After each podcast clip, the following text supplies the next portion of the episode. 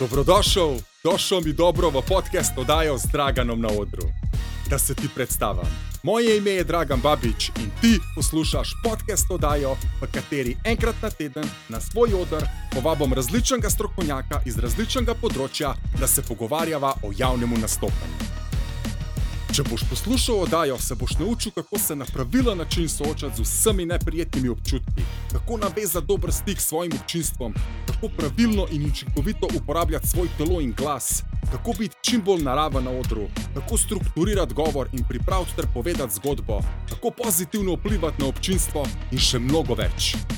Od mojih gostov boš dobil njihove zgodbe o uspehu in neuspehu, kakšne napake so naredili na poti, iz katerih se lahko ti nekaj naučiš. Jaz verjamem, da si ti že govorc. Sam mogoče si na poti svojega lajfa na to pozabil, a pa mogoče ne veš, kako razviti ta potencial. In zato sem jaz tukaj s to oddajo, da ti to tudi pokažem, kako to narediš. Če te vse to zanima, če bi rad izboljšal veščine javnega nastopanja, potem je ta oddaja definitivno za te. Sledi mi na Facebooku, Instagramu in YouTubu pod nazivom Zdraganom na odru. In jaz ti garantiram, da boš po vsaki epizodi vedno boljši, bolj samozavesten, bolj prepričljiv in bolj strasten govorc. Mi ne verjameš? Poslušaj, pa se sam prepriči. Ampak pazi, javno nastopanje ti lahko rata všeč. Potem mi ne vletava, da je dragan, a sem lahko s tabo na odru, v tej oddaji, mogoče. Sam najprej poslušaj.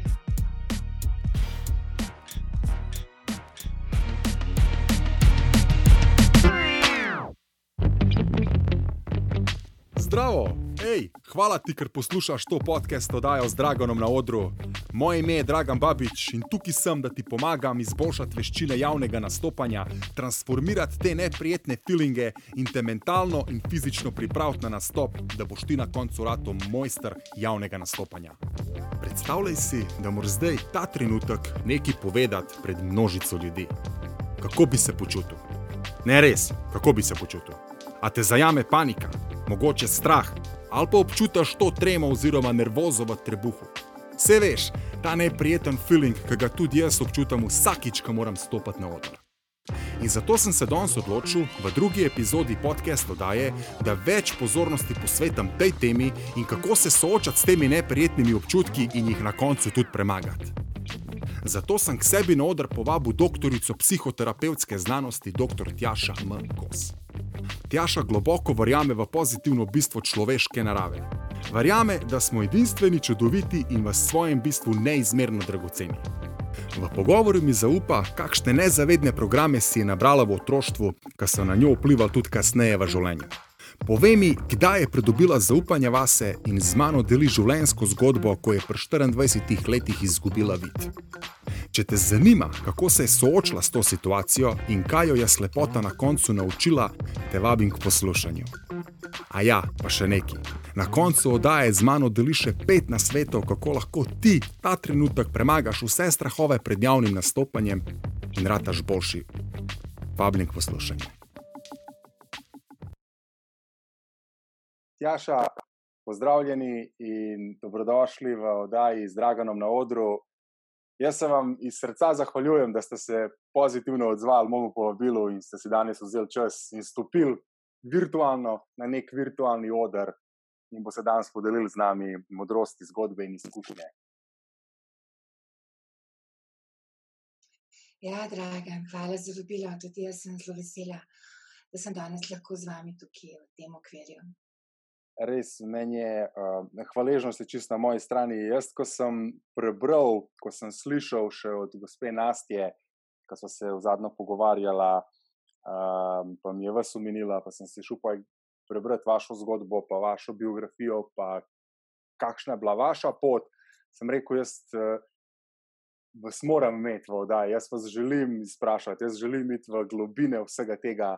In v bistvu, zakaj sem se pa tako odločil, je pa kot sem vam že v mailu povedal, um, jaz vidim javno nastopanje malo drugače. Jaz uh, sem prepričan, da ko gre človek javno nastopati, da skoraj pri vseh, če ne mogoče pri vseh, pridejo na plano neki ti nezavedni programi, strahovi, nervoza, trema. Uh, zakaj? Zato, ker smo izpostavljeni vsem in moramo nekaj povedati. In jaz bi se o tem rad danes z vami pogovoril, o teh neprijetnih občutkih, o tem strahu, zakaj do tega pride uh, in seveda na koncu, kako to odpraviti.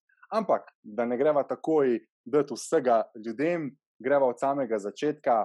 Kot vsakega do zdaj vprašam, bom tudi vas vprašal, uh, kdo je Jaša, ko ni doktor, ko ni Jaša Mkos, ko ni psihiatrinja, psihologinja, ko ne predava, kdo je Tjaša. Ja, dragam, to je tažno, nehvaližno vprašanje. Mi ljudje imamo vsi več, več plasti, več nivojev, več obrazov. Jaz same sebe, svoje identitete, pravzaprav sploh ne bi mogla tako ločiti. Mhm. Jaz um, vedno pravim, da je psihologinja, psihoterapeutka, to ni poklic, ki ga odložiš, ko greš skozi vrata. To je enostavno osebnostna formacija. Tudi jaz, ki jih delam, delam za celo svojo osebnostjo. Velikokrat uh, rada rečem, da cel moj človek dela zraven. Tako da um, če nisem jaz, potem pa me najbrž ni. Hm. Drugače sem pa um, tudi mama, uh -huh. um, imam tri mehke otroke, tako da to je tudi en del moje osebnosti, v katerem zelo uživam. Uh, Sveda imam pa tudi partnerja, s katerim imamo zelo fajn odnos, zelo dopolnjujeva, skupaj rasteva, skupaj sva, kaj skoraj 20 let, tako le, teče leta. Teče leta. In je pa čudovito pogledati nazaj in videti, kaj vse si naredil, doživel skupaj, kako si skupaj zrastel. Tako da je veliko obrazov. Predvsem sem pa človek. Človek raste, se razvija, odkriva in človek, ima zelo, zelo, zelo rad življenje. Ja, to sem, to sem dobil tudi jaz občutek, um, ko sem prebiral o tebi, ko sem malo raziskoval. Se je prav iz besed in tvojih, in ljudi, ki so pisali o tebi, prav čutila ta neka radost, ta neka živost uh, v tebi. In um, preden skočam na to živost, veš, kaj me je eden od videov, ki sem jih gledal na enem od tvojih predavanj, zanimal. Uh, rekla si, da si dobila program, napake so nedopustne. Iz kje izbira ta program? Malo mal več bi rad zvedel o tem, napake so nedopustne. Okay, ta zgodba je, zakaj jaz tako zelo rada govorim o javnem nastopanju. Uh mhm. -huh. Zakaj me uh, tema treme, anksioznosti pri javnih nastopih zelo blizu. -huh. Ja, uh, zgodba gre daleč nazaj, kot vedno, seže korenine nekam v otroštvu. Ne? Jaz sem odraščala kot zelo ljubljen otrok. Tako da um, jaz nisem imela v, v družini nekega fizičnega nasilja, nekih težkih zlorab, moje otroštvo je bilo lepo. Uh, sem pa imela mamo, ki je bila učiteljica. Včasih se hecam in rečem, imamo učiteljica, to je diagnoza. to je diagnoza. Uh, jaz se moje mame spomnim uh, z enim takim velikim kupom kontrolk.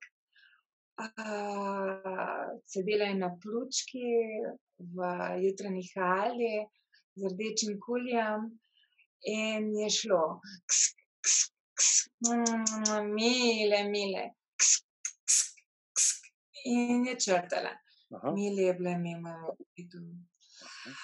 Tako da uh, napake se, so se prečrtale v mojem otroštvu z rdečim kuljem.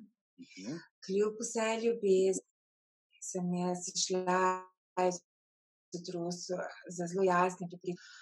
Uh, da so napake nedopustne, da so napake povod za zgražanje in da je tu nekaj takega, kar se ja, absolutno ne dela. Tako da jaz sem, uh, ja, šla z enim prepričanjem, da je samo brez napake dovolj dobro. In to je eno zelo težko breme. Um, nekaj časa je to še šlo, potem je pa življenje postalo če dalje bolj kompleksno. In um, brez napake se več ni dal, tako da zato sem se začela zelo izogibati stvarem, delala razne manevre, uh, kako.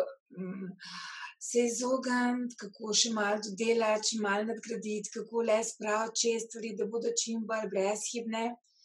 In ob tem, kar se to seveda ne da, doživljala veliko stiske. Uh, potem se je pa zgodilo življenje in me je življenje v bistvu podprlo v tem, da sem se s časoma uspela osvoboditi tega težkega oklepa. To, ta dediščina, to prepričanje, da so napake nedopustne, je bil tudi povod, da sem v prvem letniku psihologije um, pogrnila in mhm. opustila študij, ker se seveda ni dal. Psihologija je težek študij. Ja, res je. Tam ni dal brez napak. No, potem sem pa oslepela v mest. In takrat sem morala zelo obrniti na list. Uh, in v bistvu me je slepota opogumila, zadela, ki v bistvu me je slepota pokazala, da uh, se tudi z napakami da živeti in da so napake človeške, da so del učenja, da brez napak ne moreš shoditi. Uh, in um, Od takrat naprej sem začela počasi negovati, razvijati drugačen odnos do napak, drugačen odnos do sebe, do življenja, do možnosti, priložnosti, en bistven bolj, da je temu reči, osvobojen pogled na napake. Biti tudi osvobojen, kot jaz razumem, teh nezavednih programov, v bistvu um, svobodo v nekem izražanju, svobodo, ko tudi stopiš na oder ali pa stopiš pred svet in da se svobodno izražaš, da nimaš v glavi tega, oh, napake so nedopustne, moram biti bit popoln. Um, kar je veliko bremeno, vem tudi pri sebi, zelo lahko poistovetim z tem, verjetno tudi velika večina, ki danes to posluša, napake so nedopustne. Ampak, preden, preden nadaljujeva, zelo veliko stvari si povedala, ki me v bistvu zelo zanimajo in bi rad ljudem dal ta pogled, da dobijo uh, zavedanje, da te strahovi, ti neprijetni občutki niso nič napačnega, ampak da je pač sam treba se jih zavedati, pa jih znati preusmeriti. Um, sama si rekla, na enem sem prebral v enem intervjuju, da si na študiju psihologije dobila zaupanje vase. Da mi malo več o tem povej. Ja, res je. Um, oh, ko sem se jaz odločila za študij psihologije, uh, je moja magma dobila živčnega. Mhm. -huh. Tako, da to je pa kar neki, da do tega se ne da živeti, da grejo psihologijo študirati samo ljudje, ki imajo težave, ki imajo sami probleme in želijo svoje probleme rešiti. Uh, jaz sem bila takrat zelo jezna, meni je to zelo razjezilo takrat. Danes, uh, 20 let kasneje, mislim, da je ja, imela najbrž v enem delčku prav. Uh, vsi imamo neke notranje stiske, tudi jaz sem jih imela kot najstnica zelo veliko. Uh, in psihologija mi je absolutno pomagala, absolutno mi je dala urodja, s katerimi sem jaz te svoje stiske shendlala. In še danes mi dnevno služi, da uh, ja, zvozim z paketom, ki ga nosim sama s sabo. Tako da meni je psihologija absolutno veliko, veliko pomagala in mi še pomaga. In to je tudi nekaj, kar jaz želim svojim otrokom dati. Mi danes preprosto imamo toliko nekih psiholoških, nekih, ne tako kar neki, ampak science-based znanj o uh -huh. tem, kako delujejo naši možgani. In od tega lahko res profitiramo, s tem si lahko pomagamo, naši starši, generacije naših prednikov so bile tukaj obsojene na avtopilot. Mi pa ne, mi pa lahko dejansko kreiramo svojo usodo. In to je tako en ogromen benefit, ki ga imamo. In uh, jaz bi si zelo želela tako opogumiti ljudi, uh, usposobiti, ne na zadnje, opolnomočiti tudi moje otroke, da bodo znali rasti s tem. Pa, pa, pa misliš, da znajo rasti s tem, kakšen imaš občutek zdaj, ki jih gledaš, ko vidiš njihov razvoj? In mislim, da se to kržanješ. Uh -huh. uh, ravno danes uh, in moj te najstarejši prijavil na tažno, ki sem rekel, upsala, je si ga no. Ja. Tole smo pa posadili. Uh, mislim tako, ja, ja so sporočila, ki jih, um, ki, ki jih nosijo s sabo. Recimo zadnjič, um, ja, na zadnjič se nam je zgodil neki. Uh, smo, ne, nekaj se nam je zelo nil, ne vem, kaj je že bilo. In prav, moj te sreden, sedem let, prav, mami, nič se ne sekiraj, iščemo rešitve. To je tako moj stavek. Uh. -huh. Iščemo rešitve. iščemo rešitve. Glej, uh, tako da ja, mislim, da. Mislim, da vsi skupaj rastemo s tem, kar nam življenje prinaša. In mislim, da bodo mlajše generacije, dragan, bolj usposobljene za to, da bodo znale ja. uh, benefit, profitirati od sodobnih znanj. Tudi jaz zdaj vidim, da ne jaz delam veliko partnerskih terapij. In vidim zdaj moje veliko veselje, veliko mladih parov. Na začetku zveze, um, ne vem, konc 20, 28, 29, na začetku zveze, ki prihajajo in rečejo, vse je pri nama, ni ok, mi dva nimamo težav ampak mi dve želiva zdaj le graditi odnos. Dokler nimamo težav, želiva postaviti dobre temelje. Mhm. In jaz sem tega prav posebej vesela, ker je zelo drugače graditi odnos, ko so imaš še ne mlade možgane, ko so miselni, vedenski vzorci še fleksibilni, ko se lahko prilagajamo in ko si zaljubljen. -huh. ko te neurokemija v tvojih možganjih podpira. Kad pa pol, ne, pa ne vem, okrog 40, ki se nabraži 15 let za mir, ja, takrat je pol težko. In je bistveno bolj postaviti dobre temelje in nagraditi, kot pa pol zidati ruševine. Ja, to je vedno bilo, že ti spregovori. Jaz mislim, da je ja, mlade, Že, že, že ti spregovor, kaj je že starega konja, učiti novih trikov, ali nekaj tasga, mislim, da je slovenski pregovor. Ja, nekaj tasga je, pa tisto, kar se Janez nauči, to Janez zna. Ja, ja. Ta je tudi ena taka. Uh, ja. uh, rekla si, da svoje otroke učiš, da iščemo rešitve. Iz kje to pri tebi prihaja, iz kje izhaja ta program, iščemo rešitve, da ta shift se zgodi v tvoji, v tvoji glavi, v tvojih možganjih? Po mojem, takrat, ko sem oslepela.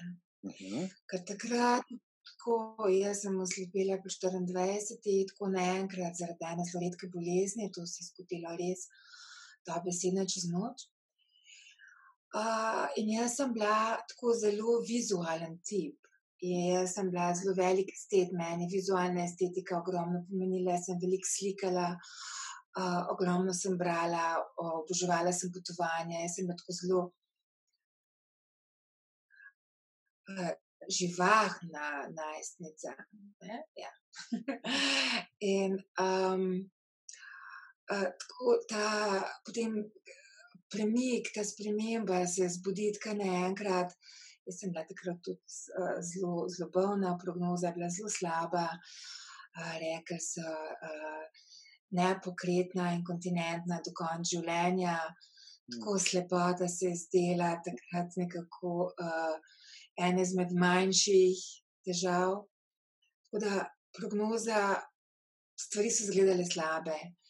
In uh, takrat sem jaz v bistvu morala zelo prevrednotiti svoje življenje, svojo perspektivo, svoj pogled. Tako da najbrž med tu iščemo rešitve, uh, zaznamovali nekje že takrat, da je bilo res. Mhm. Tako, tako zelo osnovne stvari treba rešiti, kako se pobrati iz posle, kako najti kozarec na močno marci, take zadeve. Tako da najbrž od tam izhaja in um, se je potem je pol nekako naprej rastel z mano. Tako da to mene še danes v bistvu zelo definira. Tudi mene je ta situacija s korono zelo presenetila. Uh mhm. -huh. Jaz sem prej tako zelo, a ne zelo drugače živela, zelo veliko sem pač bila od doma, od sedmih zjutraj do osmih zvečer, večinoma veliko na terapevtskih sobah, veliko na predavalnicah. Uh, veliko sem športala um, in zdaj, ker naenkrat uh, je bila pač tudi za mene korona, ne velika sprememba, ampak zdaj le četrti teden, um, life goes on in ne, mi se pogovarjava. Imam predavanje online, uh, ogromno terapij delam online, tako da delam skoraj toliko, kot prej, samo da pač. Um, iz kavča v spodnjem štuku uh, in ne več iz mojega ofisa. Iščemo rešitve. Ja, vedno, kjer se zaprejo vrata, kjer se zaprejo vrata, se odprejo okno. Ja, res je. Sem se kar naježil, zdaj, ker ste, ker ste to zgodbo pripovedovali. Um, veste, kaj me zanima? Kaj me, um, ja, prej smo se tikala. A smo se tikala? Prav, hej, kar povej, če ste lahko tikali. Ste zdaj znali tikanje, pa je bilo boljše. Ja, prav, lahko. Meni je tudi super. Um, prej si rekla, um, malo me zanima, kako si se ti soočila z izgubo videa Ker vem, jaz sem tudi sam sem zelo vizualna oseba, zelo rad tudi slike v glavi si rišem preko vida, dobim ta um, vako, ki se verjetno poznaš. Um, preko vizualnega kanala jaz dobim informacije. Uh, kako si se ti s temi strahovi, s feelingi soočila? Kakšni so bili te občutki, ko je prišlo do te situacije?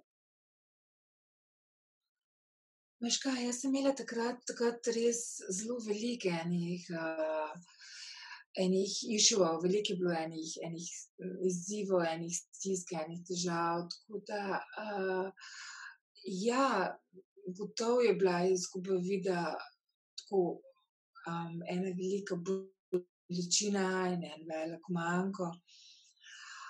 Um, jaz mislim, da nekako korak za korakom, tako kot vedno v življenju. Mhm. Če gledaš tri glav, se ti zdi nedostopen.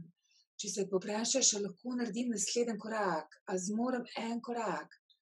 In vidiš, da naslednji korak zmoriš, in še naslednjega tudi, in še naslednjega. In tako pravijo, ne? po dolga tisoč mil se začne s prvim korakom. Tako da tudi jaz mislim, če bi mi nekdo pred vem, 20 leti rekel, da bom stala na odru v Cankarjevem domu in predavala vem, 300 ljudem, bi rekla, da je dream on. Ja, ja. Ampak, gledaj, korak za korakom se potem stvari zlagajo. Tako da jaz zelo verjamem to, da ima smisel gledati naslednji korak, slediti svojim vrednotam, svojim željam in plavati s tokom. Jaz zelo verjamem, zelo, zelo zaupam v to. Odkje pa prihaja to zaupanje? Ali je to odnegdaj bilo v tebi, ali si to tudi razvila v tem obdobju ko se je situacija zgodila? Najbrž, najbrž je oboje. Uh mhm. -huh. Najbrž je oboje. Um, ne, eno je to, pač, ve, kot vedno pravimo v psihologiji, da smo plod interakcije genov, okolja in samo aktivnosti. Mhm. Se pravi, imaš eno gensko zasnovo, nekateri so bolj nagnjeni tesnobi, drugi so bolj ekstravertni, bolj introvertni. Mal imamo različno čistko neurofiziološko opremo. Uh, potem imamo pa tudi eno okolje, ki nas podpira. Tako kot sem jaz rekla, moja mama je meni vendarle kljub tej svoji strogosti in zahtevnosti dala tudi velike ene ljubezni. In tretji dejavnik, ki je, ko smo najpomembnejši, to je samo aktivnost. To je to, kako mi ovrednotimo, uh, kako ovrednotimo stvari, ki se nam dogajajo, v kakšno perspektivo jih postavimo, se pravi, miselni slog, ki ga razvijamo. In to je nekaj, kar jaz učim tudi ljudi, ki pridejo k meni, se pravi, razvijati ta optimistični, pozitivni miselni slog, ki nam pomaga, uh, ne, da lahko v našem življenju rastemo. Ravno zdaj le se mi je zgodil, dva dni nazaj sem imela en komunikacijski trening uh, in gledam jaz zdaj ta posnetek svoj in zdaj rečemo pismo tole. Tjaša Maksimiljana, uh, uvod je bil predolg. in zdaj imam dve varianti. Lahko se zasekiram in rečem, Tjaša, you screwed up. -huh. Lahko si pa rečem, Tjaša, uh, jesen na jesenskem seminarju uh, boš tole malo skrajšala. Lahko se učim iz napak, lahko gledam na napake ali pa tiste stvari, ki niso optimalne, kot nekaj, kar lahko uh, nadgradim, ali pa gledam napake kot katastrofo. Ali jaz zelo rada rečem, da so stvari, ki se nam dogajajo, lahko jih vidimo kot kamen, čez katerega se spotaknemo in pademo. Uh mhm. -huh. Lahko povzamemo te iste dogodke kot kamen, katerega stopimo in sežemo više. Uh, in to je to, kar jaz učim ljudi, ki pridejo k meni. Na, na stvari gledati kot na kamne, ki jim pomagajo, da se po njih pospnejo više mm. svojim željem naproti. Mm. Um, pa bi, v bistvu, jaz to jemljem, kot ste rekla, samo aktivnost, uh, kot neko tudi samo podobo, uh, kako ti sebe vidiš, kako ti sebe dojemaš. Kako misliš, da sta samo podoba in potem ta strah, oziroma te neoprijetni občutki med sabo povezani, če sploh so povezani? Zelo, zelo. Samo podoba, to je tudi ena taka, uh, kor temeljna tema, s katero se ukvarjam, ne z grajenjem dobre, samo podobe. To pa ravno zato, ker se izkaže, da je dobra samo podoba res nekako v osnovi. Uh, Mar si česa, pa nas tudi raziskave kažejo. Ljudje z dobro samo podobo so bolj zdravi, del časa živijo, to besedno res to kažejo raziskave. Poleg tega so bolj priljubljeni, imajo boljše odnose, so bolj uspešni v poslu, več zaslužijo, boljši prijatelji so. Skratka, en kup stvari, res, ki se povezujejo z dobro samo podobo. In spet, dobra novica je ta, da mi danes vemo, da mi samo podobo lahko razvijamo. Tu, če nismo imeli sreče, da bi se rodili v eni zelo, ne vem, v enem zelo spodbudnem okolju. Tudi v mojem okolju ni bilo vse samo spodbudno.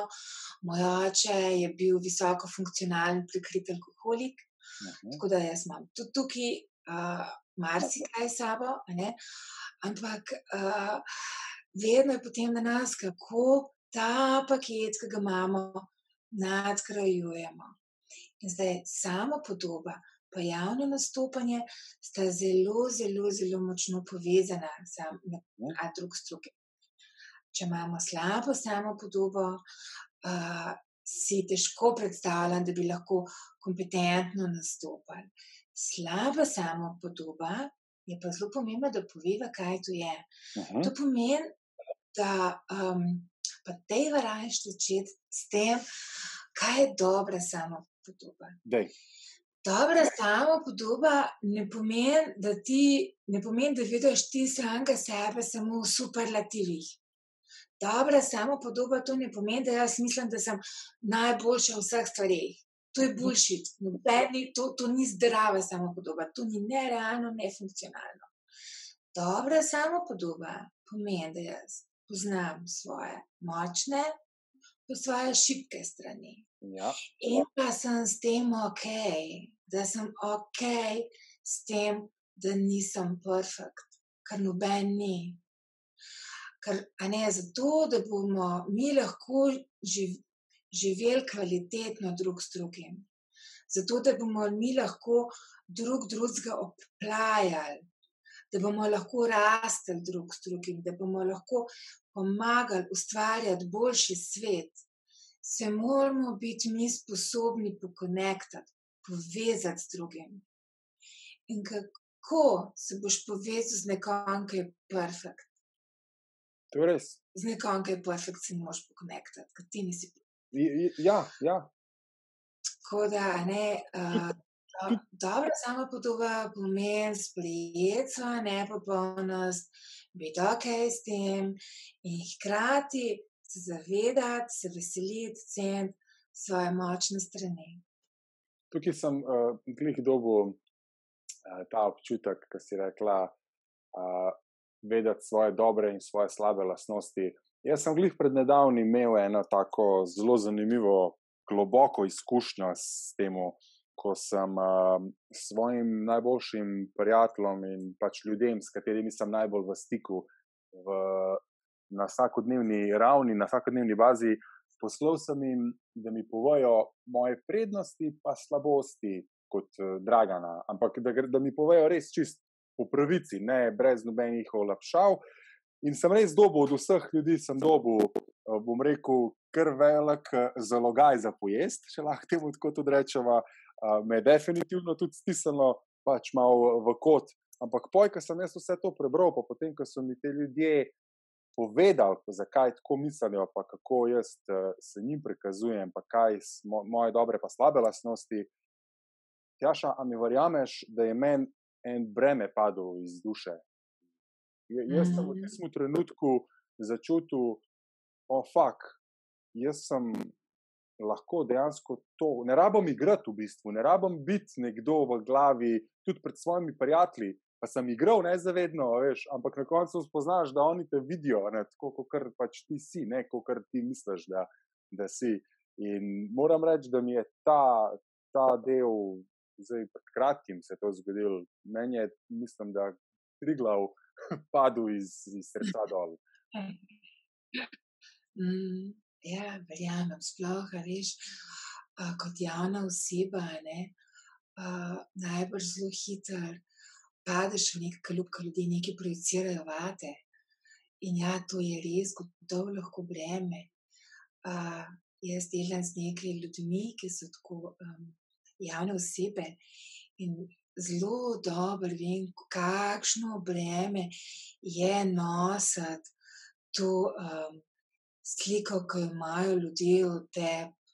To je za marsikoga zelo obremenjujoče in ljudje pridejo k meni in pravijo, da je fajn, ker se enkrat lahko pogovorijo in povajo tudi o tem, da so kdaj nekakšne stvari niso v redu, da so kdaj šipki, nemočni, jezni, prestrašeni. Ker ja, kot javna oseba nosiš projekcije drugih in to je breme, tako da ti verjamem, da si lahko predstavljam, da tem, ja, se kamen odvalil z ramen. Mm. Ja, ne, bilo je kar. Ne vem, neki, neki se je en premik se je zgodil, definitivno v tistem. Jaz sem lahko jaz in ljudje me imajo radi zaradi mene, ne zaradi nečesa, kar jaz mislim, da moram biti, da moram ustreg, ustregati nekomu. Da, ne, ne, to je definitivno. In ja, ne biti popoln, kot si sama rekla, uh, samo podoba, samo tisti perfekt, perfekt, perfekt, ampak biti človek in z napakami in s prednostmi in to sprejeti. Reči, da to sem jaz. Na takšen način lahko bistveno več daš, ne? ker se lahko bistveno bolj približaš ljudem, ljudje se lahko bolj pokonektajo s tabo, se bolj ja, povežejo, poistovetijo. Jaz mislim, da za našo nepopolnostjo vred lahko več prispevamo, kot pa s tem, da fejkamo, koliko smo perfekt. S tem, ker fejkamo uh, ta perfekt imič, samo prispevamo k poglabljanju stiske sodobnega človeka. Vsi, vse te perfekt slike, ti perfekt imiči mm. ustvarjajo en velik pritisk, sploh na mlado generacijo. In uh, zato imamo toliko težav na področju motenj hranjenja, in zato imamo toliko težav na področju anksioznosti, sploh socialne anksioznosti. Zato imamo toliko odvisnosti, kemičnih, nekemičnih, ker je enostavno toliko stisk, ki se poglabljajo zaradi tega pritiska, kako biti popoln. In, ne, če mi, pa če javne osebe, s tem, ko javne osebe fejkajo ta perfect image, v bistvu poglabljajo to stisko in prispevajo um, k tej perfect psihozi, ki mm. poganja potrošniško družbo. In nas v bistvu sil v eno zelo nehvaležno špiralo, kjer mi sami postajamo potrošni material. Ko več nismo perfekt, nas ta potrošniška spirala enostavno izpljune. Tako da, če želimo delati na enem dolgotrajnem občutku zadovoljstva, enemu doživljanju življenjskega smisla, ki bo trajnostno, na enem trajnostnem osebnostnem razvoju, potem je pomembno, da se mi sami pri sebi osvobodimo tega prešarja in stopimo iz luči popolnosti, ne v uh, ja, to, kar smo, v našo človeško realnost, ki ni ne črna, ne bela, ampak maurična. Hm. Ker si jih rekla, da izstopimo iz luči ven, sem dobil v glavi ta mali glas in stopimo nazaj v svojo temo.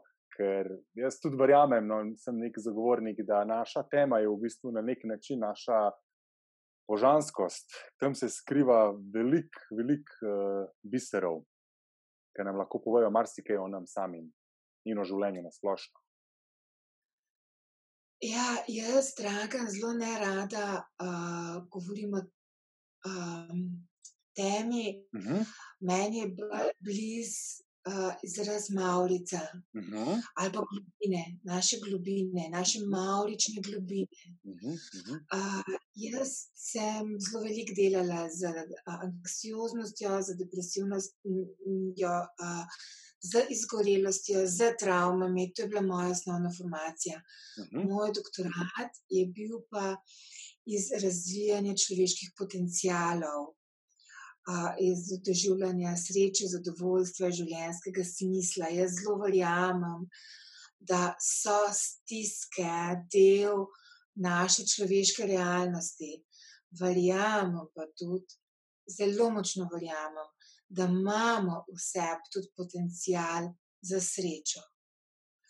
In uh, to, v kar usmerjamo naše misli, to bo v nas raslo. Pomembno je, da sprememo celotno našo Maurico. Potem bomo zares lahko zažareli, tako kot diamant, uh mhm. -huh. kot slikava, združuje celoten spektr. Ne? Diamant ne zažari samo zaradi beline, ne? ampak zato, ker nosi vse celoten spektr Maurice. To je to, kar nas dela plemenite in čudovite in edinstvene in enkratne. In uh, pri javnem nastopanju, ne, mislim, da je zelo dragoceno in zelo pomembno to, da nimamo te ideje, uh, kako narediti perfekt prezentacijo, kako narediti perfekt predstavitev. Ja. Uh, ampak iti tja in uh, ja, povedati stvari, v, za katerimi stojiš, za katerimi, v katere verjameš, tiste stvari, ki so del tebe, najti vse, um, vsebine, s katerimi se ti kot človek povežeš. Takrat je predstavitev res dobra. Tako da tudi jaz, ne glede na to, katero temo predstavljam, vedno skušam najti uh, ene stvari ali iz moje osebne zgodovine, ali pa iz zgodovine ljudi, ki so se me dotaknili. Mhm. takrat, kjer je ta živost noter, takrat bo, kad bo predstavitev preskočila, takrat se bo dotaknil drugih. In to je tisto, kar je preskok, kar je drugače od ene self-help knjige ali pa enega dobrega predavanja. Zato, ker je takrat se predavatelj lahko pokonekta s poslušalcem, z občinstvom. In to je tisto, kar naredi preskok. Zato rečeš, da se te dotakne, da je bilo dobro. Ja, ja, ja. Res, res je.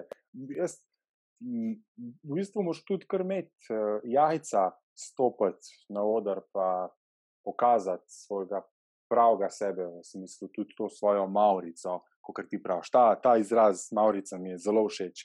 Um, tukaj bi se še malo zadržal uh, pri Maurici. Kdaj si ti sprejela sebe in svojo Maurico v celoti? A imaš kakšno dogodek, izkušnjo, kdaj se je to zgodilo, ali je to bilo postopoma? Kaj pa vem, jaz mislim, da you grow into it, da ne počasi rasteš to noter. Zdaj, a, mogoče tako, kdo, a, kar je, jaz ne bi rekla, da je prav en dogodek, ampak zagotovo je k temu, da sem jaz lahko sprijela samo sebe na tak način, ogromno prispeval moj partner. Mhm za razliko od moje mame, kjer so stvari morale biti perfekt in ker nikoli ni bilo dovolj dobro. Uh, če sem dobila pet v šoli, je bilo ok, tjaša, v redu, koliko točk pa je bilo. Uh, ok, uh, 50 možnih, koliko si jih imela, 47, tjaša, tjaša, kje so bile tiste tri točke? ja, kaj je bilo narobe, kje so bile one tri? Ja. Ja? to je bila moja mama. Uh, Noč kot ga ne mislila, ampak uh mhm. -huh. pač te so možgani tako delali. Uh, za razliko od tega, moj partner, ne glede na to, kaj sem naredila, mi dva sva se spoznala, ker sem bila, ker sem jaz slepela. Uh, in, in ne glede na to, kaj sem jaz naredila njemu, se je od vedno zdel vse, kar jaz naredim čudovito. Kjerkoli stvar sem naredila, kjerkoli sledijo. Uh, on je dejansko znal in še zdaj, po 20 letih, res zna videti dobro v meni. Uh -huh. Zraven je ena, ena ta zgodba. Uh, mi smo imeli se to ni terapevtska zgodba, res se je zgodilo. Mi smo imeli v šoli, v naši šoli, kamor hodijo naši otroci, so imeli ovce, ne, ovce, žive ovce. In nam se je to zdelo super. Da, ne, ko si vprašal, Jana, kaj je delo v šoli, je rekel, ovce sem pasel. Uh, in jih je res. in nam se je to zdelo zelo fajn. No, skratka, zdaj se je vodstvo te šole zamenjalo uh, in so dali, tako so šle govorice, da bodo šle ovci stran. In meni je bilo to absolutno grozno, uh, naše ovčke grejo. In zdaj uh, sva bila mi dva z mojim partnerjem poleti v tajništvu, eno pravko smo imeli, spomnim se točno kaj, skratka, in jaz zdaj tajnici. Ja, gospod tajnica, sem slišala, da bodo naše ovce šle, a je to res? In zdaj tajnica prav, veste, Tjaša, uh, žal nihče ne more skrbeti za te ovce, veste, pa so počitnice, pa uh, so prazniki, pa zdaj te ovce so taka odgovornost, pa nihče ne more skrbeti za njih. In jaz. Uh, rok, roki me moramo partnerji. Roki, roki, veste, gospod tajnica, mi živimo tukaj čisto blizu. Mi dva se lahko zaveževa, a ne roki, a ne, mi bi skrbeli za te, za te ovce. okay. Jaz, jaz v žaru in uh, rok in tajnica nekako ta pogovor srečno zapeljate do konca in mi ja. gremo ven. In meni tako Tjaši, Majaš. Tjaši, poglej, to je zavod, to je velika inštitucija.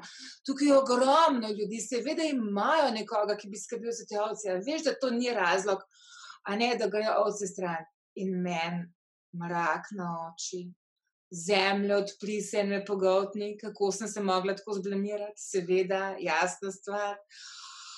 Uh, meni sramota in jaz, joj, rok, rok, rok, me, mene po koncu groze, meni je tukaj sram, meni je tukaj bed. In prav rok, pa ne, tjaši, pa ti si čudovita. In jaz pa rok, pa kako to misliš, zblamirala sem se, klele v nebo sem se zblamirala. Prav, tjaši, ne, ti si rekla to, kar misliš, takšna ti si zaradi tažnih ljudi, ki si ti, se svet premika, ti muvaš life. In uh, jaz mislim, da rok to res misel. In iz takih mojih blamaž, on že 20 let uspe vedno videti nekaj lepega. In mi uspe to vedno znova povedati. In zato sem jaz lahko sprejela svojo Maurico. Mm. Ker je vedno tam zadnji, ne glede na to, koliko prosti izrazov se sirjam. Mm. Uh, rok, ki me objame in me reče: Ma ne, Matjaši, ma ti si čudovita, jaz te imam rad z vsemi gubicami. A gubite, imamo. Uh, ne, vse sem se kar naježil zdaj. Um, vem, da si tudi uh, rekla za roka in za svojo babi in za mami, da so bile v bistvu tri največje opore uh, v tem življenju, v tej situaciji. Uh, zanima me pa, kaj rečemo za nekoga, ki nima take opore, ki nima svojega rokija. Da, ko se nekaj zgodi, da reče: Ne, dragan, poslušalec, poslušalka, ki zdaj posluša, ti si čudovit, ti si čudovita. Kje takrat tiskati? Ja, ja, zato imamo danes res en velik privilegij, namreč živimo v svetu, uh, kjer imamo ogromno možnosti. In en, a ne temu, kar je meni dal rok, pravimo, reparativni odnos. Uh -huh mi vemo, da imajo eno vlogo pri oblikovanju naše osebnosti starši. Kasneje to vlogo prevzame partner. Če imamo, a ne v dobrem in v slabem smislu. Se pravi, po eni strani je dober partnerski odnos lahko zelo nadgrajujoč in je lahko reparativna izkušnja. Po drugi strani je pa partnerski odnos lahko tudi en velik, eno veliko področje, kjer se ranimo, kjer se poškodujemo. In je še ena tretja opcija odnosa, ki nas gradi, reparativni odnos, da živimo v terapiji. Mhm. V terapiji so pač a, ljudje, dober terapeut je šolen za to, da nam ponudi reparativni odnos, se pravi odnos, ki nas gradi, nadgrajuje, uh, nas bilda. To so uh, naša duševnost se je jaz zgradila v odnosu. V odnosu se oblikuje, v odnosu se poškoduje in v odnosu se lahko spet zaceli. En drobec nam lahko pri tem pomaga, seveda, tudi vdaj, kot je najna. Ampak to so kratki impulzi. To so impulzi, ki pomagajo. Zdaj, tako je. Um, vprašanje pa je, ali je ta impuls dovolj močen. Moramo si predstavljati. V naši glavi so nevroni, nevronske celice, te so povezane z nevronskimi povezavami. To je neurofiziološki korelat naših misli. Vedno, ko nekaj mislimo, so na eni glavi aktivirajo nevronske povezave, ki se med seboj ja, povezujejo, ojačujejo večkrat, kot mislimo, močnejše so, hitreje se bodo aktivirale. V mladih možganjih se te povezave hitreje tvorijo. In če smo neke nevronske povezave utrjevali, ne vem, 5, 10, 15, mogoče 20 let, in potem slišimo eno tako ljudajo, kot je najna. Je to manj kot kapljica v morje. Mhm. Če mi enkrat aktiviramo neke drugačne nevronske povezavice, te ne morejo biti niti približno tako močne kot neke povezave, ki smo jih mi 20 let utrjevali. Je pa res to, da zdaj, ko imamo utrjene te nove, vzpostavljene nove nevronske povezave, ko imamo zaveščeno da se da tudi drugače. Mava eno smer, kam lahko greva, lahko iščeva, lahko, mava kompas, ki naj lahko vod. Tako da tudi take vdaje, ali pa self-help knjige, ali pa vse, vse material, ki nam je dostopen, je en velikanski, velikanski potencial. In jaz sem res zelo vesela, da to obstaja. Če imamo dobro osnovo in smo samo mečkali, včasih smo rekli, mhm. malo zašli. Potem nas lahko tudi en takle impuls zelo dobro naravna, nam lahko zelo pomaga. Če so pa rane velike, pa če je veliko poškodb, če so večji, bomo rabili pa močnejše impulze. In te potem dobimo, ne vem, v coachingu, skozi terapevtski proces, včasih ne, gradimo po delčkih, en delček zgradimo, ta del usvojimo uh, in se potem, ne vem, gradimo spet naprej, spet naprej. Meni je všeč ta ideja čebule, ja? ki se mhm. postopoma puščamo plan za plastjo in prihajamo vedno bliže do tistega našega jedra. Tako da tudi osebnost narast ni nikoli uh, ena, z, z ena zgodba, ki jo naredimo naenkrat, ampak je en proces, ki ga razvijamo. Ja, definitivno. Vse to je isto, kot zemlja, kot svet, kot cel, celo vesolje. Se ni, ni konca, se, se v neprestano razvija v neko neskončnost. Ampak, kar si rekla, te impulzi, jaz, kako jaz vidim ta namen te najne oddaje in najnega pogovora in nasplošno vseh pogovorov, ki bodo sledili v prihodnosti. Jaz sadim samena in z lučko osvetljujem potencijale ljudi, da vidijo, kaj je možno, da dobijo nek občutek, v tem primeru, da je strah, da ni nič narobe, da vsak občuti, Do zdaj vse ljudi, ki sem spraševal, ki sem jih imel v, v oddaji, ki so javni govorci, so rekli, da občutijo strah, da občutijo to tremo, da predno stopijo varno odar. Tako da tukaj samo želim ljudem dati, da to je v nam, pač se jih samo kako se bomo mi s tem soočali, je pa druga raven. Zato pa tudi to počneva, kar počneva. Um, ti si se tudi soočila z eno. Uh, zelo zanimivo situacijo, izkušnjo, kjer se jaz zelo dobro lahko poistovetim z njo. Uh, prav razumel sem, ko sem prebiral vse, kar si govorila o tej izkušnji, sem nekako dobil neko olajšanje, eto, končno me en razume. In to je, ko si pri 34 uh, se preselila v Avstrijo. ja, to je bilo tudi kar, uh, ja, je kar, je bil kar zelo gaj. Uh, uh, to je ena, ena epizoda v mojem življenju, ki sem zelo hvaležna za njo, mi je zelo odprla eno obzorje, uh, me je zelo razširila in jaz tudi danes imam posebno veselje podpirati expats ne, se pravi, ljudi, ki živijo uh, izven svoje domovine, zato ker vem, da življenje izven svoje domovine prinese izzive.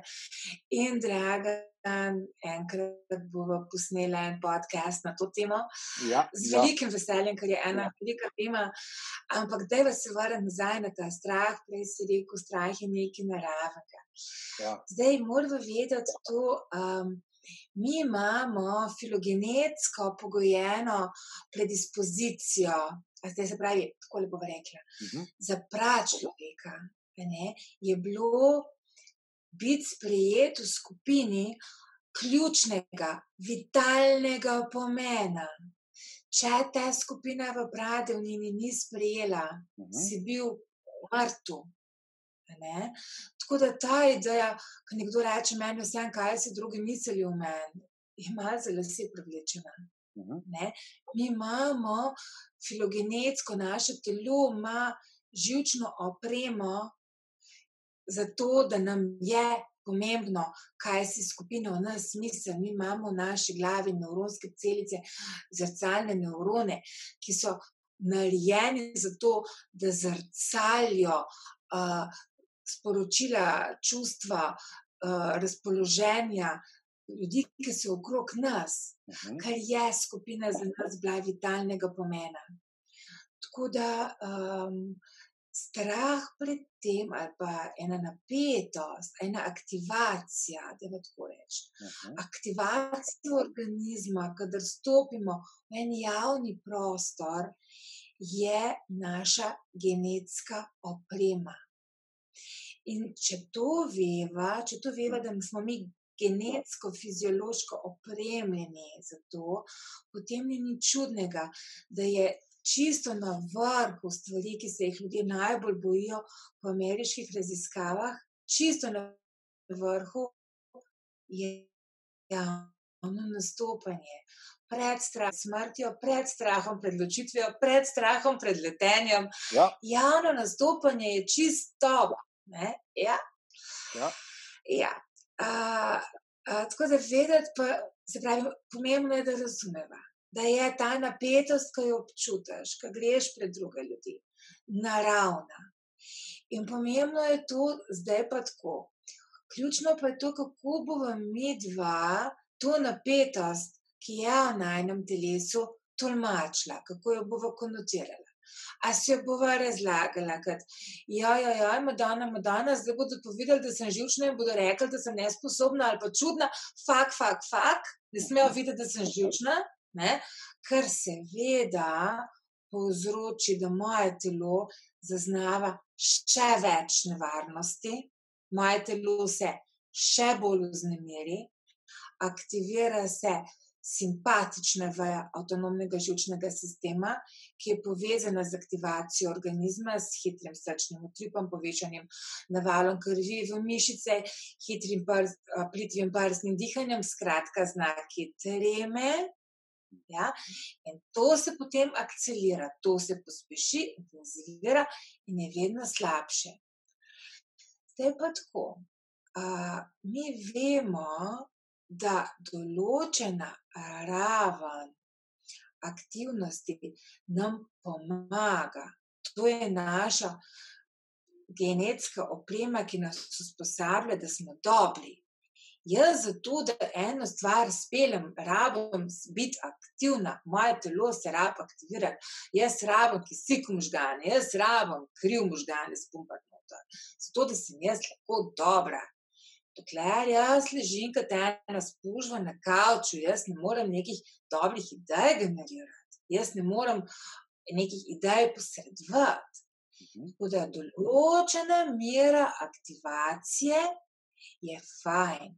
In o tem govori tako imenovana krivulja aktivacije, ki jo mi poznamo v psihologiji in nam ja. pove, da smo mi optimalno učinkoviti v srednjih mejah aktivacije. Tako da, ko moja vznemirjenost narašča do ene mere, me dejansko podpira. In a, to je vse zelo dobro. Problem se začne takrat, ko se jaz ustrašim tega in ko se moje vznemirjenje stopnjuje, takrat gre pa čez in takrat začne moja učinkovitost padati, takrat me začne pretirana trema blokirati. Zato je zelo pomembno, ko razmišljam o tem, kako delati s tremo, da znam jaz mojo aktivacijo tremo, ali rajš reči v aktivacijo, mhm. ohranjati v srednjih mejah, the middle range, ne, v srednjem območju. Tu je nekaj, kar se mi potem učimo na raznih treningih, ne, kako lahko jaz svoje vznemirjenje, ta genski, gensko opremo, ki jo imam, uporabljam sebi v prid in kako preprečam, da me ta super dobra oprema, ki jo imam, pravzaprav uh, pokople. Tako da uh, vznemirjenje, nervoza, trema je nekaj naravnega in nas celo podpira. Mi se lahko naučimo to podporo dejansko izkoristiti z različnimi tehnikami. Ključno pri tem je, da se ne ustrašimo, ampak da jo sprejmemo z odprtimi rokami. Ja, se strinjam. Jaz lahko zase rečem, da zdaj pa sem imel srečo, ali pa ne, ampak jaz rečem, da sem imel srečo, da sem že v rani mladosti se zelo soočil z, z tremo in strahom pred javnim nastopanjem, ker sem že, ko sem začel svojo stvarjalno pot, sem bil reper v mladosti in že takrat sem vedel, jaz, ko je ta trema prišla, da, da je to nekaj dobrega in -hmm. da je ta trema uh, transformirala v strast, v neko aktivnost, potem gor na odru, ko sem jaz poj repel, ko smo mi poj repel, pel pesmi, skakal po odru. In takrat je po meni v glavi naredil nek klik, aha. Ko se to zgodi, ko pride do teh, teh napetosti v trebuhu, metulčkov, ne, ne, malo nervoze, treme, straha, jaz takoj dobim v glavi signal, je super, to je dobro, ker ko bom jaz gor, mm. bo to samo gorivo za mojo strast. Da, best, full dobro, super, full dobro. Ja. Jaz mislim, da to je to, kar mi dva lahko potem spremeniva. Uh, ene, ene stvari, ki so mogoče same po sebi uh, lahko naporne, v neki dobrega. Ja. To je tisto, na, kater, na katerega stopiš, uh, da sežeš više, ne? ne da se spotakneš v njega, ampak da se povspneš na njem. Jaz vedno, ko še take dogodki pridejo, tudi kakšne konference, delavnice, se tudi jaz občutim tremo. Ampak vedno slišim ta en mali glas od enega mojega prijatelja, ko, je, ko mu je ena starejša gospa, še ne vem, par let nazaj, uh, rekla v smislu, uh, kaj pa misliš, da se bo jutri zgodil? On je bil v enih svojih depresivnih časih, eh, stresom se je zelo ubadal, uh, mislim, da, še, da ga je partnerica pustila. Skratka, ni bil glih uh, ta prav preseb. In je ta gospa videla in je prišla do njega in rekla: ja, Kaj misliš, da se bo jutri zgodil? Ja, nič se ne bo zgodil. Pač preveč si v glavi rišemo to sliko nekega, ne vem, bauava, da je vse strašno negativno. In to vedno meni pride v glavo, ja, kaj pa bo, zdaj, zdaj bom gor prišel na oder, uh, bom nekaj za J, po domač povedan, ja, kaj pa se bo zgodilo, ja, nič se ne bo zgodilo. In že v tistem trenutku pade ti ta mal napetost, a veš, ja, nič se ne bo zgodilo. Pač, tudi če boš mhm. zajebal, nič se ne bo zgodilo. Pač, še vedno si čudovit, čudovita. Mhm. Lahko od, od roki je ta mali glas, ja. poslušalec, poslušalka, vzem ta mali glas, pa ga dej nekam v podzavest. Če se ti kdaj kaj zgodi, poslušaj roki, ti si čudovit, čudovita. Um, Tjaša, prehajava koncu. Uh, zdaj pa jaz bi pa rad nekaj dol uh, najmenjim poslušalcem, poslušalkam in sicer nekih par na pet na svetov z tvoje strani, takih praktičnih, uh, kako naj se zdaj nekdo spopade s to tremo, s tem strahom, s to nervozo, ko more stopiti na oder. Imáš kakšnih pet takih na svetov? Best of, pet best of, ne vem, če jih bo pet. ne vem, če jih bo glih pet, da bo poskusiti. Zdaj, ena stvar, ena stvar, ki se zdi meni ful pomembna, uh, je, um, da prva stvar, priprava se začne pri tem, da se naspiš. Mhm. Bolj kot karkoli drugega je pomemben, da ti poskrbiš za sebe, da si fit. Ne se pravi, da si uh, spočit, naspan, fresh, da nimaš full stresa prej, ampak da prideš, uh, ja, relax. Mene tako zelo dal um, uh, za misel, tako zelo, zelo si skladi s tem, kako jaz vidim stvari, ki sem brala uh, o tem, kako se je drnovšek pri njej bil že pripravljen na intervju na odmevih, ne? Mhm. ti zdaj ni del nič, sprehajajo se po gozdu. Ja? In tudi jaz, ki sem imela, se pripravljala na zgovor doktorata, a, ti zdaj nisem delala prej nič. Ne? Se pravi, pomemben je, da se ti, da prideš ti tja, frež, da poskrbiš za svojo psihofizično kondicijo. A, ena druga stvar, ki se mi zdi, da je pomembna, uh, ja, pripraviti se okvirno, ampak zelo velik ene strukture, se, v katero misliš, da se moraš lepo držati, je lahko problem. Bolj kot se držati ene slepe strukture, je zaupati v to, da uh, plavaš, da boš znal plavati, takrat, ko se bojo stvari obrnile. Uh, ena izmed prvih stvari, ki sem se jih jaz naučila, ko sem delala, začela delati skupine. Ker sem delala prve skupine, sem imela zelo tako timing, kaj bomo kdaj delali, tako na minus, da sem si ja nasplanirala. Potem sem pa videla zelo hitro. Tista stvar, ki jo veš o skupini, ki jo pripravljaš, veš eno stvar. In to je to, da ta skupina ne bo takšna, kot si si zamislila, da bo. Ne, ne, ne. S tem se čist strinjam. Glej, ker je ful stvari, ki se zgodijo in rabiš to fleksibilnost. Rabiš, in če imaš ful strukture, če imaš ful splaniran, če imaš ful trden koncept, kako morajo stvari biti, te lahko spravi ven iz tira. Tako da zaupi vase, ne v koncept, uh, ne, ja, zaupi, zaupi vase, plavi s tokom. Uh, tretja stvar, um, ki se meni zdi pomembna, je v, biti v tukaj in zdaj. Nam delajo ful štalo misli. To, kar misliš, kaj si drugi mislijo o tebi, Ja? Pa to, kar si misliš, uh, kaj bi moral biti, pa kako boš to, kako boš ta, ta, ta, ta. F, mi pravimo temu kino v glavi, filmi, ki si jih vrtiš.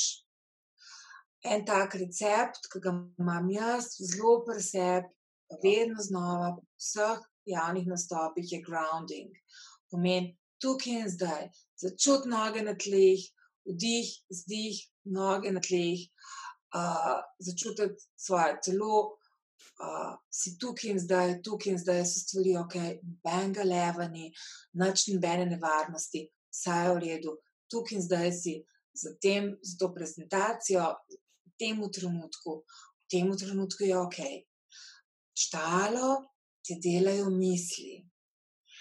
Uh, in ne, ena stvar, ki se mi zdi še mogoče tako pomembna, je uh, misli, ki si jih rolaš za nazaj. Mhm. Ja? Spravi, pol, ki zaključimo, se zelo velikrat imamo to, ne, da se spomnimo vseh stvari, ki smo jih v prosti izrazu zajebali. Ne, ja. ne zapomniš, ne pride ti v glave, kva si se dobrega naredil. Ja? Ampak opet za ti sledi morala, uh, tam nisem, o, kaj sem tam rekla. Ne? E, kar nihima, kar zaključimo s tem. To je en vzorc, ki je, ne, tle, e, tle, temu pravimo, kognitivna pristranost, ena napaka, v možganjih, ki ima tudi vezo z evolucijo, evolucijo ne bo šla zdaj tja, ampak ima en, imamo ene zgodovinske, evolucijske razloge, zakaj se nam to dogaja. Skratka, uh, naši možgani nam bolj predslikajo tisto, kar je bilo uh, narobe, ne, spo, ne bomo se pa spomnili tistega, kar je bilo uh, dobro. Ja? Uh, in zato je kar fajn, da nehava s tem, temu vzorcu se reče retrospektivna anksioznost. In kar je velik problem pri tem vzorcu, je to, da če razmišljaš na tak način, potem boš naslednjič zelo težko šel, šla na oder. Ja. Ja, ker imaš v glavi samo to, kaj je bilo vse narobe. Zato je zelo pomembno, da kadar pridejo te misli, kaj je že šlo na robe, ne? da si rečeš, hop, ne? kaj je bilo pa dobro, in da se aktivno preusmeriš v to, uh, kar je bilo dobro, da začneš o tem razmišljati. In, draga, rekel si best five, save the best for last, ne? kako se ja. še temu reče? Ja. Okay. Uh, pomembno je, da se mogoče sliši malo pretenciozno, ampak to, da ti razlagaš o tej stvari na tem mestu, pomeni, da je en delček, en delček, ki ga lahko daš na celem svetu, k tej stvari, samo ti. Pomembno je, da veš, da nihče drug, nihče, nihče, nihče ne more narediti te predstavitve točno na takšen način, kar je lahko ti. In to, kako lahko ti poveš, lahko se dotakne nekega človeka nekje. In to lahko narediš samo ti. Ne veva, kdo je ta človek, ampak vedeti je treba, da vsak od nas je edinstven. In tako kot lahko ti, draga, poveš eno stvar, ali pa tako kot jo lahko jaz, Jaša, povem, ali pa tako kot jo lahko pove Nastja, to je en specifičen način, ki je edinstven. Ja. In lahko ja. verjamemo, da je v tem množici ljudi, tam zunaj nekje nekdo, ki ga bo to nagovoril. In lahko zaupamo, da nosva za tega enega človeka sporočilo, ki bo za njega pomembno, ki bo za njega edinstveno. In ta zavest, da je tvoj doprinos, ne glede na to, kakšen je, prav zato, je, kar je tvoj, edinstven in pomemben na tem svetu. In če lahko to sporočilo se dotakne in spremeni življenje enega samega človeka na svetu, potem je pomembno, potem je vredno. In s to zavestjo stopiti pred ljudi in reči, tako le lahko jaz povem in zaupam, da ima to sporočilo vrednost, zato ker je moje. Ker sem jaz ta človek, ki lahko to stvar pove na ta način in ker ima to eno edinstveno vrednost. Ta zavest ti daje hrbtenico, da lahko svoje sporočilo preneseš na en samozavesten način. Wow. Jaz sem brez besed ostal. Res, jaz sem se danes naježil večkrat v zadnjem mesecu. Res. Um, zdaj, zdaj sem kar malo tla pod nogami zgubil. Mm, vse se bom kar prepustil temu občutku, ker je tako zelo dober občutek. Um, Vesela, draga, mi veliko pomeni, če bova uspela za temi mesiči se dotakniti koga, uspodbuditi, narediti življenje malo boljše, pomagati nekomu zrast, posvetiti, kot si tako lepo rekel, zlučko na potencijale, posaditi kakšno seme, pomagati komu, da malo zraste. Je tudi meni veliko pomeni. Hvala za priložnost, draga, mi zelo veliko pomeni. Ej, hvala, hvala Tjaša, ker si se v bistvu odzvala, ampak predno, predno zaključiva uh, še zadnje. Uh, imaš zadnji govor, kaj bi nam povedala? Jaz bi mogoče kar ostala pri tem, da je vsak od nas uh, dragocen sam zase, takšen, kot je. Mm. Meni je zelo pri srcu podoba školke bisernice. Mm -hmm. uh, školka bisernica ima trdo klep in v njem noter je mehka notranjost. In ko to mehko notranjost zaide kamenček, to školko ran svojo trdoto. In ta školka, ki začne s tem, ki se brani v tej svoji bolečini, obdajati z enim filmom, ga obdaja in pestuje vse noter. In ko ga pestuje in obdaja s to svojo bolečino, s časoma, iz te bolečine, nastane biser. In zelo trdno verjamem, da smo tudi ljudje, kot školke bisernice, ki nosimo vse te svoje bisere. Velikrat kažemo na zvan, tudi trdo lupino. Včasih um, pa se zgodi, da se v enem dost varnem okolju odpremo in takrat lahko zasijemo s svojimi biseri. In uh, ko se dost ljudi zbere, poveže, lahko nastane ena biserna grlica. In verjamem, da se v povezovanju teh naših notranjih biserov lahko zalesketa ena biserna grlica, ki tvori lepši svet. Tako da upam, dragam, da je tole najna spodbuda za to, da se povežemo z našimi biseri in da naredimo ta svet vsi skupaj nekoliko lepši. Ja. Hvala. Ja, Ej, wow. Jaša, enkrat, hvala ti, ker si se odzvala. Predno zaključiva, da samo povej, kje te lahko te poslušalci, poslušalke, ki hočejo več zvedeti o tebi, iti bolj v globine, samo kje te lahko najdejo. Ja, jaz zelo uh, verjamem v to, da skupaj spremenjamo svet na bolje. Najlažje me je gotovo najti na Facebooku, jaz sem Tjaša M. Kos.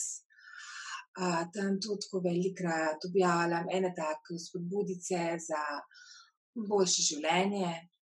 Drugač pa seveda dobrodošli, če je kakorkoli nagovoril, če se kdo želi se povezati z mano na mail tjasa at tjasakos.net ali pa na mojem homepageu tjasakos.net, tako da toplo, toplo dobrodošli. Meni bo vsak feedback zelo dragocen. Uh, jaz sem veliko dobrega dobila v življenju. Jaz se doživljam kot eno veliko srečnico, kot eno zelo. Jaz pa veliko pravim, da sem rojena pod srečno zvezdo, tudi ukvarjam se za srečo, ampak hmm. res se doživljam enega srečnega človeka. In meni je življenjsko poslanstvo to, kar sem dobila dobrega, posredovati naprej. Tako da bom zelo vesela, če me kontaktira, to, da je to nagovoril, če te je nagovoril, me kontaktiraj. Uh, tudi če samo zato, da mi poveš, kje se te je dotaknil, to tudi meni pomaga, da grem lažje naprej in da lahko uh, lažje bolj sejam ta semena sreče za boljši svet. Dobrodošla, dobrodošla. Tako je, dobrodošla, dobrodošla. Jaz tudi vas vabim, te vabim, poslušalec, poslušalka, da da napišeš mnenje, da poveš, kaj se te je dotaknilo, da te ne bo strah, ker te je strah in da razumeš, da je to nekaj naravnega, kot je Tjaša rekla. Jaz bi zaključil Tjaša z dvema kratkima besedama: hvala in čudovita si. Draga, enako vračam kompliment. Hvala. Upam, da se kdaj vidimo živo. Definitivno. Vse dobro. Ko pridem v Slovenijo, se, se ti javim in uh, greva po, podebatirati o Avstriji in mojemu Londonu in najdete te skupne točke. In naslednji naslednji podcast. Tako, sto procent. To sem takoj dobil idejo, ker sem to prav rekel. Bom, bom, hotel sem moment samo, da vidim, kako si se spopadala, ampak ja, je preveč dolga tema. Tako da še enkrat, lej, hvala ti, ker si bila. Jaz bom samo tukaj zaključil, jaz bi ti reče nekaj povedal na koncu, jaz samo za gledalce. Hvala vam, ker ste poslušali in se vidimo v naslednjem šovu. Adijo. Se vidimo. Hej, hvala ti, ker si ostal do konca in poslušal to oddajo. Jaz upam, da te je zgodba in tudi doktorica Tjaša M. Kos inspirirala, mene definitivno je. Jaz sem v tistem trenutku, ko sem se s Tjašo pogovarjal, doživljal neke uvide, globoke, globoke uvide, ampak kar sem najbolj spoznal je to, da strahovi so sam v glavi. In mi smo bistveno večji, močnejši, um, bolj svetlejši, in ko to spoznamo, vsi strahovi izginejo. Zato, Tjaša, še enkrat hvala ti, res čudovito bitje. Tebi, dragi poslušalec, te pa vabim, da, me, da mi slediš na Facebooku, Instagramu in YouTubu pod nazivom Zdravom na odru. Zakaj? Zato, ker bom v tretji epizodi gostil prav posebnega človeka. O čem se bova pogovarjala? Super vprašanje. Predstavljaj si, da imaš nastop. Itak se, se pogovarjamo o javnem nastopanju. In se ti nekaj zgodi, en neprijeten dogodek, nekaj, kar bi mnoge ljudi pripeljal do stresa. In ti v tistem trenutku moraš uporabiti svoje možgane, svojo kreativo, moraš se znajti, po domač povedano. Kako se zdaj znajti, kako na kreativen način se izvleči iz te neprijetne situacije. In o tem in še več se bomo pogovarjala z trenerko in predavateljico kreativnega razmišljanja Nastja Mulej. Zabavno bo, poučujoče, kot kar sama pravi, kreativa je sistematična. Ja, res je. Se vidiva oziroma slišiva v tretji epizodi. Lepo se me do takrat. Čau!